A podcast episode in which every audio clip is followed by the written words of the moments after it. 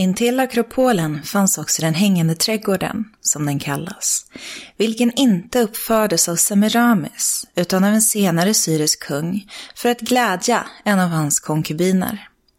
Eftersom hon var av persisk börd sägs det att hon av längtan efter sina hemtrakters ängar i bergen bad kungen att efterlikna Persiens karaktäristiska landskap genom att anlägga en konstgjord trädgård.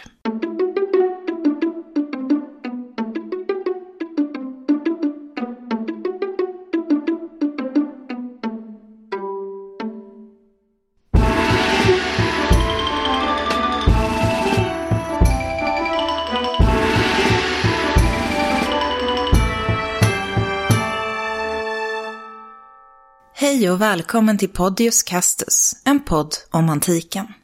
Idag med mig, Angelica. Det jag precis läste upp var ett stycke ur Diodorus Siculus skrift, Historiskt bibliotek, från cirka 50-30 för vår tidräkning. Det berör det som dagens minisnitt kommer att handla om, nämligen Babylons hängande trädgård. Låter det bekant? Den räknas nämligen till ett av antikens sju underverk. Var har vi då Babylon? Vad är det för ställe egentligen? Det finns ett antal omnämnande av Babylon i både Gamla och Nya testamentet. Ett exempel som du kanske känner till är Babels torn. Ett torn som började byggas i Babylon av alla världens människor och som skulle nå ända upp till himmelen.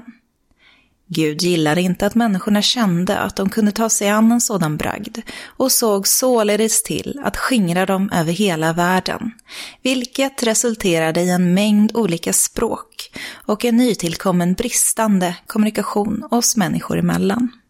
Men Babylon var inte enbart en biblisk stad. Det var ju faktiskt så här att Babylon var en stad med lång historia som var av oerhört stor vikt och som hade stort inflytande. Under många hundra år var det den till ytan största staden i Främre Orienten. Staden ligger vid floden Eufrat, nio mil från Bagdad, Iraks huvudstad. Den hade anor redan från förhistorisk tid.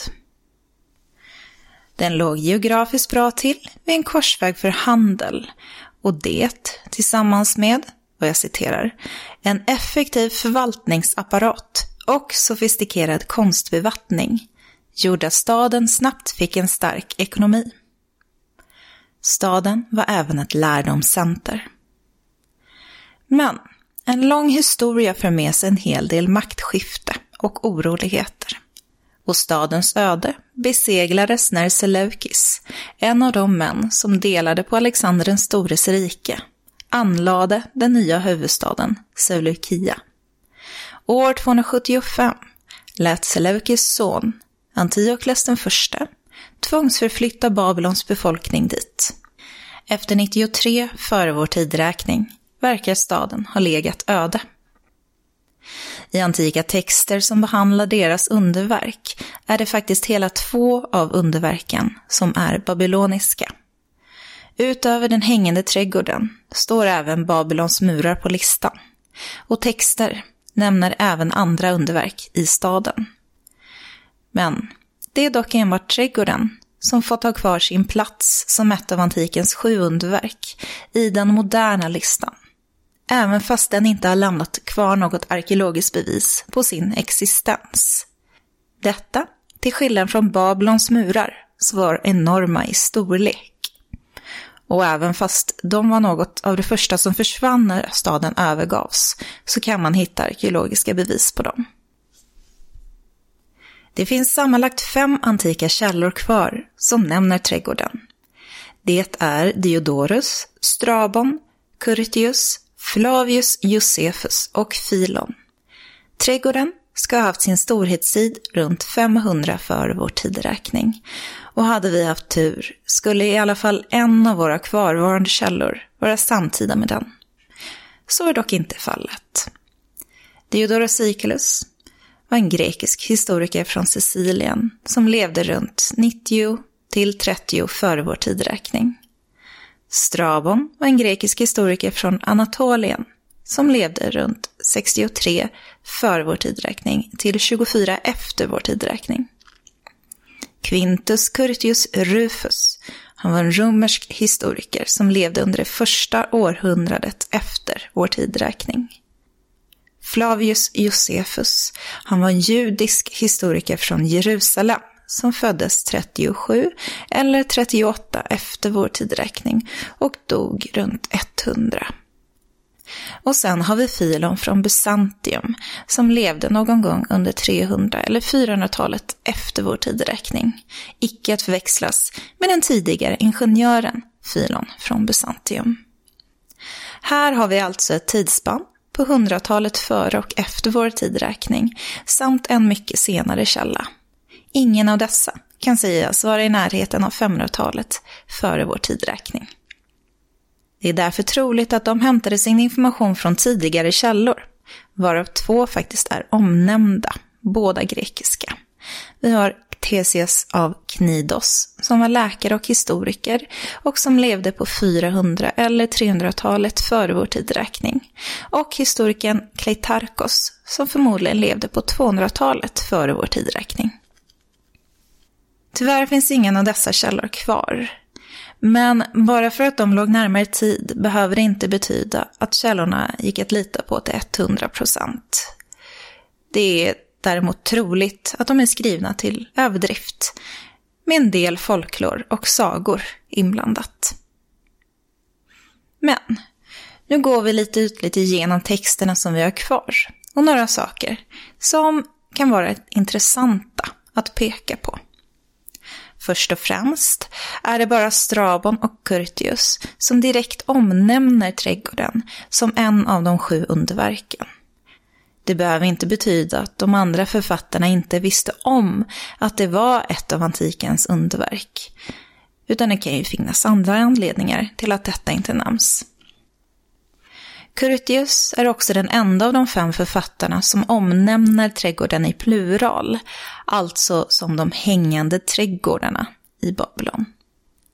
Diodorus, Curtius och Flavius Josephus nämner den romantiska historien att trädgården skulle ha byggts till en konkubin eller drottning som längtade tillbaka till sitt hemlands natur precis som det som jag beskrev i början av avsnittet. Diodoros och Strabon, de använder sig i alla fall till viss del av samma källa. Det är märkvärt i texternas innehåll. De skriver båda att storleken på trädgården är fyra plättra på var sida. Det är runt 120 gånger 120 meter. För referens är en fotbollsplan 105 gånger 65 meter. Ordet som Diodorus använder för hängande skulle snarare kanske kunna översättas med terrasserad, medan ordet som Curtius väljer att använda faktiskt betyder hängande. Flavius Josephus omnämner trädgården som det hängande paradiset. Både Curtius och Filon skriver om trädgården i presens, alltså som om den fortfarande fanns kvar under deras livstider. Som jag sa så levde Curtius under det första århundradet efter vår tidräkning och Filon under 300 eller 400-talet efter. Dessutom låg Babylon förmodligen öde 93 före vår tidräkning. Det är alltså inte så troligt att den hängande trädgården faktiskt fanns kvar under deras tid. Men hur såg trädgården då ut?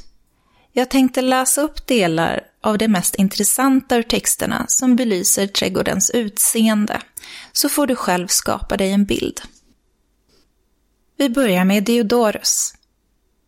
Eftersom ingången till trädgården lutade som en bergssida och åtskilliga delar av strukturen reste sig stegvis ovanpå varandra påminde utseendet av det hela om en teater.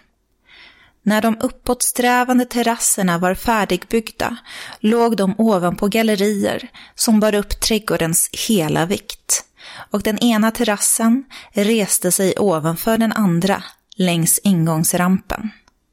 Det översta galleriet, som var 50 alnar högt, utgjorde den högst belägna delen av trädgården, vilket var i nivå med stadsmurens bröstvärn. Och eftersom gallerierna, som vart och ett sköt ut över ett annat galleri, allihop var exponerade för solen, var samtliga försedda med mängder av kungliga paviljonger av olika slag. Strabo. Den består av valvbågar som den ena efter den andra står på ett rutnät av kubformade fundament. Rutnätet är utgrävt och fyllt med så djupa jordlager att även de högsta träd kan växa där. Ty fundamenten, valven och bågarna är uppförda i bränt tegel och asfalt. Förbindelsen upp till de översta terrasserna består av en trappa. Curtius Staden har också ett citadell med en omkrets på 20 stadier. Grunden för tornet går 30 fot ner i marken och fästningsverket reser sig till 80 fots höjd. På toppen av citadellet ligger de hängande trädgårdarna. De befinner sig på samma höjd som murarna och är, tack vare skuggan från många träd, mycket behagliga. Kolonner av sten restes för att hålla uppe det hela och på dessa lades ett golv av fyrkantiga block starkt nog att bära den jord som lades i ett tjockt lager ovanpå, liksom det vatten som användes till bevattningen. Anläggningen har träd som är så stora att de mäter åtta alnar i genomskärning. Träden reser sig till en höjd av 50 fot. Och trots att tiden gradvis nöter ned och förstör verk som är skapade av såväl människa och naturen själv, förblir denna enorma anordning, trots det många nedhängande rötterna och tyngden av en så stor skog, oförändrad och intakt, ty den bärs upp av ett nätverk av murar som är 20 fot breda med 11 fots mellanrum. Och de som betraktar anläggningen på avstånd uppfattar den nog som om den vore en riktig bergsluttning med en riktig skog. Flavius Josephus Ävenledes anlade han höga promenadplatser, murade av sten, så att de liknade berg, planterade med alla slags träd. Och den sista, Filon. I den så kallade hängande trädgården odlas växterna högt över marken genom att byggnaden så att säga är uppförd i luften. Trädens rötter bildar liksom ett tak över de odlade terrasserna. Alltihop bärs upp av kolonner gjorda av sten, så att hela det underliggande utrymmet är fullt av pelare. Ovanpå pelarna ligger bjälkar av palmträ, mycket tätt utlagda. Detta träslag, till skillnad från alla andra, kan inte ruttna utan bångnar uppåt då det utsätts för fukt och kraftigt tryck. Bjälkarna ger samtidigt näring åt rötterna och låter rottrådarna hänga ner emellan sig. Ovanpå bjälkarna ligger ett tjockt lager jord där man har planterat bredbladiga träd. Och i synnerlighet sådana träd som är lämpade för trädgårdar. Liksom alla typer av blommande växter. Kort sagt, allt sådant som är vackert och njutbart för betraktaren. Hela anläggningen sköts som om det handlar om vanlig uppodlad mark och nya skott måste beskäras nästan lika mycket som på vanlig mark. Den konstgjorda odlingen befinner sig alltså ovanför huvudet på de som strosar fram mellan kolonnerna. När man går på underlaget i det översta etaget så ligger jorden stadigt och stilla precis som på vanlig fast mark med djup jord. Nå, blir man klokare av hur trädgården ska ha sett ut? Kanske lite, eller kanske inte alls. Det man kan säga är att det är troligt att författarna kan ha hämtat element från samtida arkitektur och applicerat dem i sin beskrivning. Samt att de även kan ha haft ganska bra fantasi. Det man kan säga är i alla fall att monumentala trädgårdar fanns i Främre Orienten. Det fanns av grekerna kallade paradisoi, vilket var persiska jaktparker. Ordet kommer från persiskans pairideisa, vilket betyder kunglig park. Härifrån har vi fått vårt ord paradis. Utöver dessa jaktparker fanns det även heliga trädgårdar i anslutning till tempel. I mindre form fanns det fruktodlingar, grönsaksland, kryddodlingar och eh, köksträdgårdar. Dessa hos den vanliga människan. Oavsett om Babylons hängande trädgård fanns i den prakt att den definierades som ett underverk av de som såg den, alternativt hamnade i den kategorin efter att den försvunnit, så kan man inte förneka att det är en vacker bild som målas upp.